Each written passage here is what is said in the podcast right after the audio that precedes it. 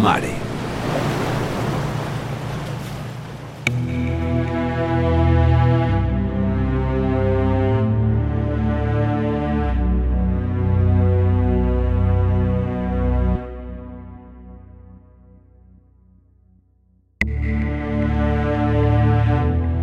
mila sortzireun berrogeita bia.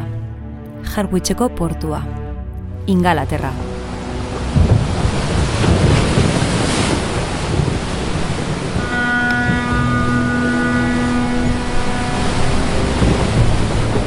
Ariel, ekaitz baten erdian itxasoratzen da. Tripulazioaren artean, irurogeita zazpi urteko gizon batek mastari lotua izan dadin eskatu du. Bere helburua, ekaitzaren irudia harrapatzea. Bere izena, Joseph Turner.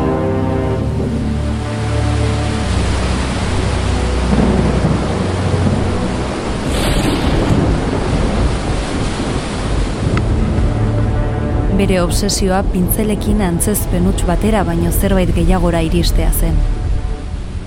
Drama handiaren epizentrora iristea. Itxasoaren menetako boterera iristea.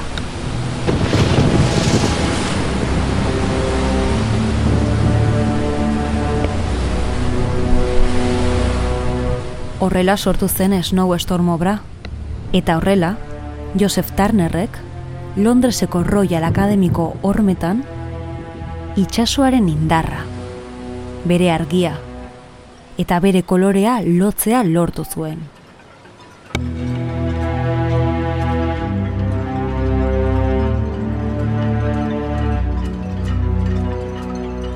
Bere bizitza eta obra betidanik kaiekin, salitrearekin, ontziekin, kostaldearekin, itxasoaren edertasun, zakartasun, bortizkeria eta sentsualitatearekin lotuak egon ziren. Eta horrekin guztiarekin, zeru ertzean, bere nolakotasunik preziatuena garatu zuen.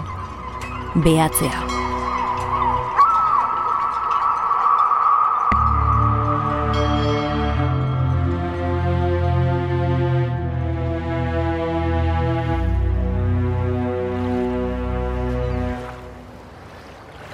Hala izan zen bere azken egunetar arte. Buz almirantea ez izena ezaguna, egunero, bere lagunaren ondoan, Tamesis ibaian nabigatzera, marraztera, ginebra zurrupada txikiak hartzera eta behatzera ateratzen zenean.